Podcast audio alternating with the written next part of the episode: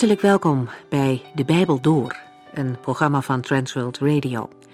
De Bijbel Door is een radioserie die u in vijf jaar meeneemt door de hele Bijbel. Van Genesis 1 tot Openbaring 22.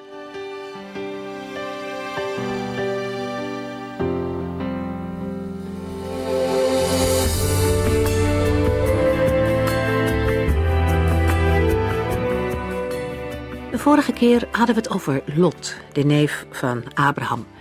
Vandaag Genesis 21. Lot was een goede man, rechtvaardig. Zo zag God hem, maar hij had het niet gemakkelijk. Lang geleden gaf Abraham hem de keuze waar hij wilde wonen. En Lot koos voor wat hem het mooiste leek, de streek bij Sodom. Inmiddels woonde hij daar met zijn vrouw en twee verloofde dochters. Lot was er al lang achter gekomen dat het leven in Sodom niet zo mooi was als het leek. De stad was door en door slecht. In het Nieuwe Testament schrijft Petrus dat Lot gekweld werd door de losbandigheid en de zonde die hij elke dag om zich heen zag. Lot was niet immuun geworden voor zijn omgeving. Het raakte hem. Hij vond het erg. Dat is waarschijnlijk ook iets voor ons om te onthouden. Wen niet aan de zonde die om je heen en in het land gewoon zijn geworden.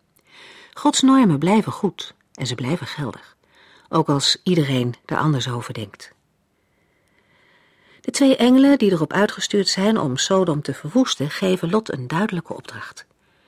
Vlucht met degenen die bij je horen en kijk niet om. Jammer genoeg hoorden er maar weinig mensen bij Lot, alleen zijn vrouw en twee dochters gaan mee. En zijn vrouw kijkt dus wel om. Symbolisch wellicht, haar hart lag in Sodom en ook de twee aanstaande schoonzoons blijven achter. Zij dachten dat Lot een grapje maakte. Het leven van Lot is niet om jaloers op te zijn, want hij houdt uiteindelijk niets over. Zijn dochters worden zwanger van hem en krijgen elk een kind. De voorvaders van de Ammonieten en de Moabieten. Twee volken die Israël later veel schade hebben toegebracht.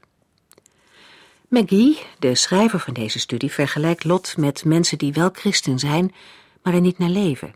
Mensen die niet breken met de zonde in hun leven, maar die gewoon door laten gaan en woekeren.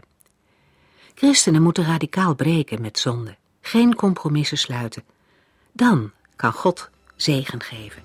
Zonde houdt zegen tegen.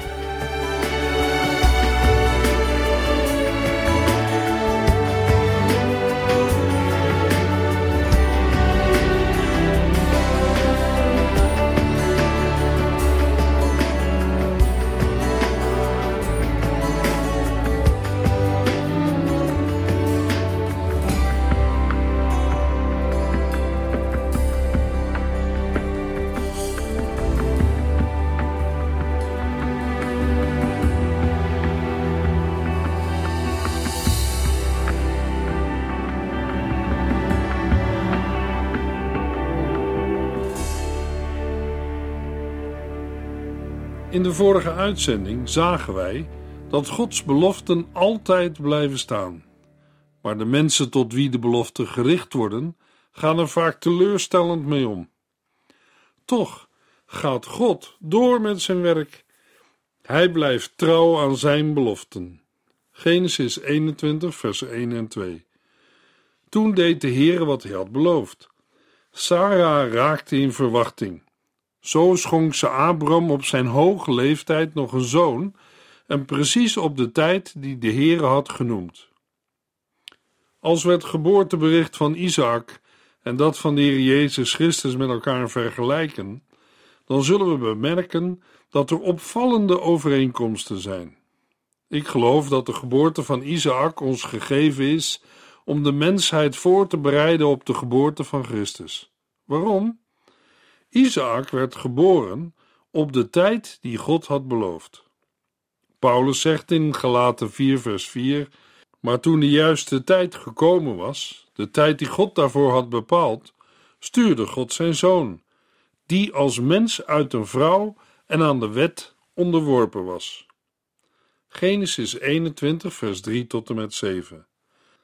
Abraham noemde de zoon die Sarah hem geschonken had Isaac dat gelach betekent. En acht dagen later besneed hij hem, zoals God het had bepaald. Abraham was toen honderd jaar oud. Sarah was trots en blij. God heeft mij vreugde gebracht, zei zij. Allen die ervan horen, zullen net zo blij zijn als ik. Wie had kunnen dromen dat ik nog een baby zou krijgen? En toch heeft Abraham op zijn oude dag nog een zoon van mij gekregen. Goed om even stil te staan bij een paar opmerkelijke punten. Allereerst was de geboorte van Isaac een wonder. Het ging tegen de natuur in. In Romeinen 4, vers 18 en 19 schrijft Paulus: Hoewel alle hoop vervlogen was, bleef Abraham verwachten en geloven dat hij de stamvader van vele volken zou worden. Want God had het gezegd. Hij besefte maar al te goed dat hij op honderdjarige leeftijd te oud was om nog een kind te verwekken. En zijn vrouw Sarah was ook al veel te oud om een kind te krijgen. Toch werd zijn vertrouwen daardoor niet minder. Hij ging niet twijfelen, integendeel. God brengt leven voort uit de dood. Dat is een wonder. De Heere God geeft vaker een geboorte die als wonder wordt ervaren. Het hoogtepunt daarvan in de Bijbel is de geboorte van Christus. We zien ook dat God zowel met Sarah als met Abraham handelde. Zij moesten erkennen dat zij niets konden doen en dat het voor hen onmogelijk was om een kind te krijgen. Als Isaac wordt geboren, is Abraham 100 jaar oud en Sarah 90. Met andere woorden, de geboorte van Isaac is een geboorte die menselijkerwijs onmogelijk was. Het kind groeide op en de dag kwam dat hij geen borstvoeding meer nodig had. Bij die gelegenheid hield Abraham een groot feestmaal. Genesis 21, vers 8. Isaac leefde eerst van de moedermelk van Sarah. Toen kwam de dag dat hij van de borst afkwam. Zelfs dit bevat voor ons een les. Als mama de fles klaarmaakt voor de baby in de wieg, werkt alles in zijn lijfje. Hij houdt zijn voetjes in de lucht, hij zwaait met zijn handjes en hij maakt geluid zo hard hij kan. Kortom, hij wil de fles. Als het goed is, moet u als pasgeboren kinderen verlangen naar zuivere geestelijke melk, dat wil zeggen, naar het zuivere woord van het goede nieuws. 1 Petrus 2, vers 2. Het is fantastisch om jonge christenen te zien verlangen naar de moedermelk van het woord. Maar er komt een dag dat je toe bent aan vaster voedsel. Je wilt groeien als gelovige. Dan lees je niet alleen de mooie en vertrouwde Bijbelplaatsen, bijvoorbeeld Psalm 23 of Johannes 10 over de goede herder. Nee, dan wil je graag meer weten over de hele Bijbel. Ook als christen blijf je niet altijd een baby. Er moet sprake zijn van een groeien in geloof. We komen hetzelfde tegen in Hebreeën 5, vers 13 en 14. Als iemand nog op melk moet leven, blijkt daaruit dat hij als christen niet erg ver gevorderd is. Hij kent nauwelijks het verschil tussen goed en kwaad. Hij is nog een baby.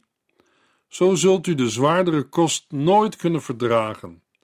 Die zwaardere kost is voor hen die goed en kwaad uit elkaar kunnen houden. Ze kunnen opgroeien tot volwassen christenen. Genesis 21, vers 9 en 10. Sarah zag dat Ismaël, de zoon van Hagar, lachte. Ze ging naar Abraham en zei: Stuur die slavin en haar zoon weg, want ik wil niet dat mijn zoon Isaac de erfenis deelt met de zoon van een slavin. De geboorte van Isaac veroorzaakte een hoop moeilijkheden. Ismaël schijnt de houding van zijn moeder ten opzichte van Sarah overgenomen te hebben en projecteert dit op Isaac. Hij drijft de spot met hem. Is dat het ware karakter van Ismaël? Tot nu toe leek het een aardige jongen. Maar met de komst van Isaac schijnt dat te veranderen. Mogelijk is het voorval een illustratie van het gegeven dat een gelovige ook twee naturen heeft. Totdat je bekeerd bent, heb je een oude natuur. En die oude natuur beheerst je. Je doet wat je zelf wilt en in je opkomt, en doen wat in je opkomt is niet altijd het beste. Als je gelovig wordt, wanneer je wederom geboren bent, ontvang je een nieuwe natuur. En die oude en nieuwe natuur hebben steeds ruzie met elkaar. In de brief aan de Romeinen schrijft Paulus in hoofdstuk 7, vers 19 over de strijd tussen de oude en de nieuwe natuur. Hoewel ik het goede wil, doe ik het niet. In plaats daarvan doe ik het slechte, en dat wil ik nu juist niet. Er is een prachtig verhaal van een Indiaan die aan zijn stamgenoten vertelde wat er nu precies met hem was gebeurd toen hij tot geloof was gekomen. Toen ik nog niet geloofde, was in mij een zwarte hond. Toen ik de Heer Jezus leerde kennen, heeft Hij er een witte hond naast gezet en die twee vechten steeds met elkaar. Daarom is het niet altijd gemakkelijk om te geloven. Zijn stamgenoten vroegen: En wie van die twee honden wint er? Hij antwoordde: De hond die ik het meeste eten geef. Welke hond krijgt bij u het meeste eten? Steeds moet een gelovige keuzes maken, een besluit nemen van waaruit hij of zij zijn leven zal leiden. Vanuit de oude of de nieuwe natuur. Bij het laatste gaat het erom dat wij ons overgeven aan de Heer. De Heilige Geest toestaan in je leven te werken. De andere kant is dat de mens zich laat beheersen door eigen verlangens en behoeften dat de zwarte hond de overhand krijgt. Wie gaat het bij u winnen? De zoon van de slavin moet worden weggestuurd. Genesis 21, vers 11.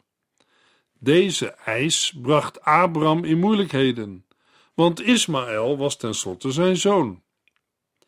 Ismaël is net zo goed een zoon van Abraham als Isaac.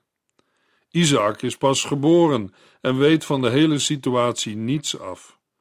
Maar Ismaël woont al een behoorlijk aantal jaren bij Abraham en is nu een tiener en Abraham is aan hem gehecht. Voor Abraham is het erg pijnlijk om hem weg te moeten sturen. Laten we nog eens terugkijken op het verloop van de gebeurtenissen. De Heere God stemde niet in met wat Sarah en Abraham besloten ten aanzien van Hagar. Daarom kan God Ismaël niet accepteren. De consequentie daarvan is nu dat Ismaël niet kan blijven. Het is hartverscheurend voor Abraham, maar om het probleem op te lossen moet Abraham de jongen wegsturen. Sarah kan het gewoon niet uithouden met deze spottende tiener in de tent. Als gelovige kom je heel vaak in gelijksoortige situaties dan moet je een keuze maken. Je doet het liever niet, maar het moet. Je kunt niet hinken op twee gedachten. Er moet een beslissing worden genomen. Jacobus zegt in zijn brief: Iemand die twijfelt lijkt op een golf van de zee die door de wind heen en weer gejaagd wordt. Zo iemand moet niet denken dat de Heer hem iets zal geven, als hij twijfelachtig is en onzeker in zijn optreden. Jacobus 1, vers 6 tot en met 8.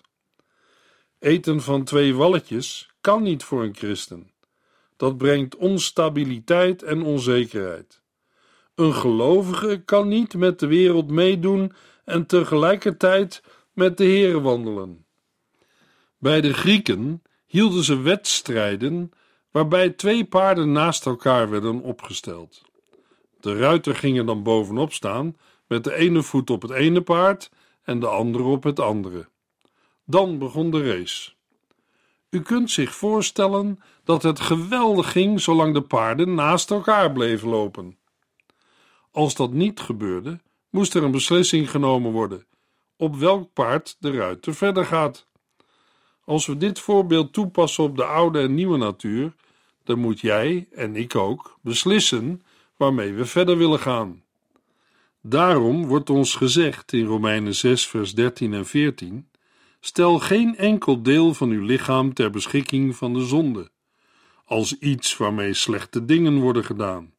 Nee, maak van uzelf een werktuig van God. Laat God dan ieder deel van uw lichaam kunnen gebruiken om goed te doen. Paulus zegt verder dat wat de wet niet kon vanwege de zwakte van de menselijke natuur, de geest van God wel kan. Romeinen 8, vers 3 en 4.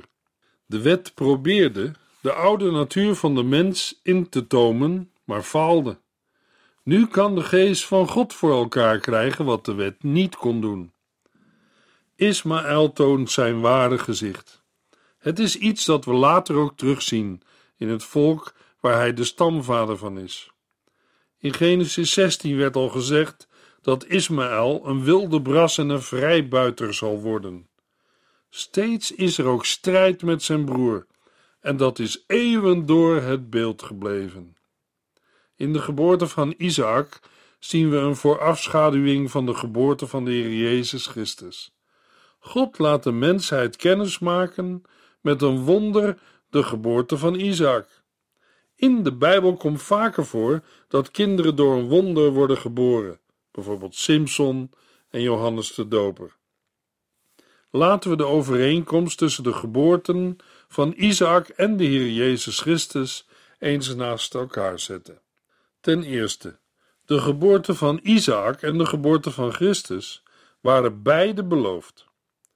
25 jaar voor de geboorte van Isaac had God Abraham uit Ur der Galdeën geroepen. Toen had God al gezegd: Ik ga u en Sarah een zoon geven.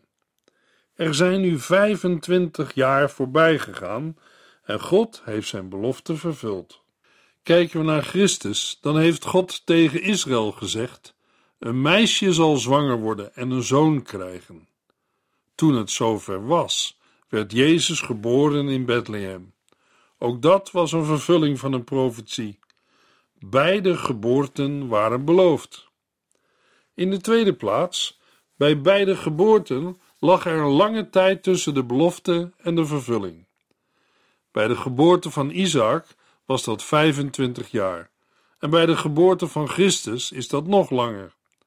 Om een voorbeeld te geven, God had beloofd dat de Messias uit het geslacht van David zou komen. Die belofte was al van duizend jaar voor de geboorte van Christus. In de derde plaats leek de aankondiging van de geboorte ongelooflijk en onmogelijk. Zowel voor Sarah als voor Maria. Toen Abraham bezoek kreeg en de geboorte van Isaac werd aangekondigd, moest Sarah lachen en zei: Dat kan gewoonweg niet. Het is niet te geloven. Bij Maria zien we hetzelfde. Zij was zelf de eerste om vragen te stellen over de maagdelijke geboorte. Toen de engel de aankondiging deed, zei ze: Maar hoe kan ik een kind krijgen? Ik ben nog maagd. Lucas 1, vers 34. De vierde overeenkomst tussen Isaac en Jezus is dat ze beide voor de geboorte hun naam kregen. Abraham en Sarah kregen te horen dat ze een zoon zouden krijgen en dat ze hem Isaac moesten noemen. En met de geboorte van de Heer Jezus zien we dat hij ook van tevoren zijn naam kreeg. Immers de engel zei tegen Jozef: U moet hem Jezus noemen, want hij zal zijn volk redden van de zonden. Matthäus 1, vers 21 en 22. Een vijfde overeenkomst. Beide geboorten gebeurden op de door God vastgestelde tijd. Vers 2 van dit hoofdstuk zegt: Precies op de tijd die de Heere had genoemd, bracht Sarah Isaac ter wereld. En over de geboorte van Jezus zegt Paulus: Maar toen de juiste tijd gekomen was, de tijd die God daarvoor had bepaald, stuurde God zijn zoon, die als mens uit een vrouw werd geboren en aan de wet onderworpen was. Gelater 4, vers 4. De zesde overeenkomst. Beide geboorten waren een wonder. De geboorte van Isaac was een wonder en de geboorte van de Heer Jezus was dat zeker. Geen man had er een aandeel in. De zevende overeenkomst. Beide zonen waren een grote vreugde voor hun vaders. We lezen dat Abraham zijn zoon Isaac, wat gelach betekent, moest noemen. Het was de naam die Abraham zijn zoon gaf, omdat, op het moment dat God de aankondiging deed, hij van pure vreugde moest lachen. In geval van de Heer Jezus lezen we in Matthäus 3, vers 17 dat de Vader uit de hemel sprak en zei: Dit is mijn geliefde zoon, hij verheugt mijn hart. Over beide zonen waren de vaders verheugd. De achtste overeenkomst. Beide zonen waren gehoorzaam aan hun vader, zelfs tot de dood. In hoofdstuk 22 zullen we zien dat Isaac door zijn vader werd opgeofferd. Toen was hij geen jongetje van acht of negen jaar. Isaac was toen ongeveer 33 jaar. Hij was zijn vader gehoorzaam, zelfs tot de dood. Dat gold ook zeker van de Heer Jezus Christus. Ten slotte de negende overeenkomst. Het wonder van de geboorte van Isaac is een beeld van de opstanding van Christus. We hebben al naar woorden van Paulus geluisterd. Dat Abraham niet twijfelde, ook al was hij te oud om nog een kind te verwekken, en zijn vrouw Sarah was ook al veel te oud om nog een kind te krijgen. Romeinen 4. Uit de dood kwam leven, dat is opstanding. Nadat Paulus dit heeft benadrukt, gaat hij verder. Hij heeft Jezus voor onze zonde laten sterven en hem uit de dood laten terugkomen om ons rechtvaardig te verklaren. Romeinen 4, vers 25. We hebben in Isaac een bijzonder beeld van de Heer Jezus Christus. We gaan verder met Genesis 21 en zien hoe genadig God met Abraham, Hagar en haar zoon Ismaël omgaat. Vers 12. Maar God zei tegen hem: U hoeft u geen zorgen te maken over die twee. Doe wat Sarah heeft gezegd, want alleen Isaaks kinderen zullen uw nakomelingen genoemd worden. God maakt Abraham duidelijk dat hij Ismaël niet zal accepteren als de beloofde zoon, maar dat Abraham zich geen zorgen over hem hoeft te maken. Maar ook Hagars zoon zal ik stamvader van een volk maken, omdat hij ook een zoon van u is. Genesis 21, vers 13. God had gezegd: Uit uw zaad zal ik volken maken. Daarom zegt hij nu dat uit Ismaël ook een groot volk zal voortkomen. Genesis 21, vers 14 tot en met 21. Abraham stond de volgende morgen vroeg op, maakte eten klaar voor onderweg en bond een waterzak op Hagars rug. Zo stuurde hij hem beide weg. Hagar zwierf door de woestijn van Beersheba en wist niet waar ze heen moest. Toen het water op was, legde zij het kind onder een struik en ging zelf een eind verderop zitten. Ik kan niet aanzien hoe hij sterft, klaagde zij en barstte in huilen uit. God hoorde de jongen schreeuwen en de engel van God riep Hagar vanuit de hemel toe: Hagar, wat is er aan de hand? U moet niet bang zijn. God heeft het huilen van het kind gehoord. Ga naar de jongen toe en troost hem, want ik zal zijn nakomelingen tot een machtig volk maken. Toen opende God haar ogen en zij zag een bron. Ze vulde haar waterzak en gaf het kind te drinken. God zegende de jongen, die in de woestijn van Paran opgroeide en een uitstekende boogschutter werd. Zijn moeder regelde later voor hem een huwelijk met een Egyptisch meisje. De Bijbel laat hier de geslachtslijn van Ismaël los en volgt die niet meer. Zijn afstammelingen, de Arabieren, zijn tot op vandaag nog in de woestijn aanwezig. Genesis 21, vers 22 en 23. In diezelfde tijd brachten koning Abimelech en zijn opperbevelhebber Pichol Abraham een bezoek. De koning zei: het is duidelijk dat God u overal mee helpt. Beloof mij daarom dat u mij en mijn opvolgers nooit zult bedriegen, maar altijd op goede voet zult blijven met mijn land. Ik heb u immers ook goed behandeld. Kunt u mij dat bij de naam van God zweren? Met andere woorden, Abimelech wil een verdrag maken met Abraham, en daardoor worden ze goede vrienden. Abraham is bereid op het voorstel in te gaan, Maar eerst wil hij een andere kwestie oplossen. Vers 25. Abimelechs herders hebben zich het gebruiksrecht toegeëigend van een put die door Abraham was gegraven. In de woestijn zijn zulke rechten van levensbelang voor de eigenaar van vee. Ruzies hierover komen vaak voor. Abimelech verklaart dat dit zonder zijn medeweten of toestemming is gebeurd. Hij maakt op zijn beurt Abraham het verwijt dat hij nu pas met zijn klacht komt. Vers 26. Abraham gaat er niet op door en geeft als geschenk dieren aan Abimelech. Uitwisseling van giften is gebruikelijk bij het sluiten van een verdrag. Wanneer hij het geschenk aanvaardt, accepteert hij Abrahams rechten op de put. Naar aanleiding van deze gebeurtenis krijgt de plaats de naam Beersheba. Na de plechtigheid keerden Abimelech en Pichol terug naar hun woonplaats. Abraham plantte een tamarisk bij de put en aanbad daar de Heere, de eeuwige God.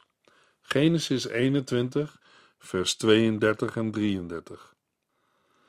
Abraham plant een tamarisk, want hier bereikt hij iets dat het nageslacht moet weten.